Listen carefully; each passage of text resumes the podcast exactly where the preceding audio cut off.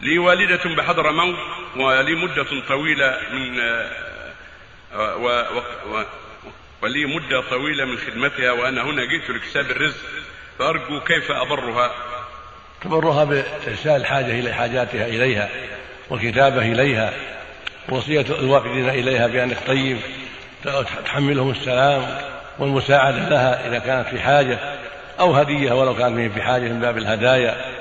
التي تطيب القلوب. هذا هو الواجب عليك معها حتى يسهل الله لك زيارتها بعد ذلك.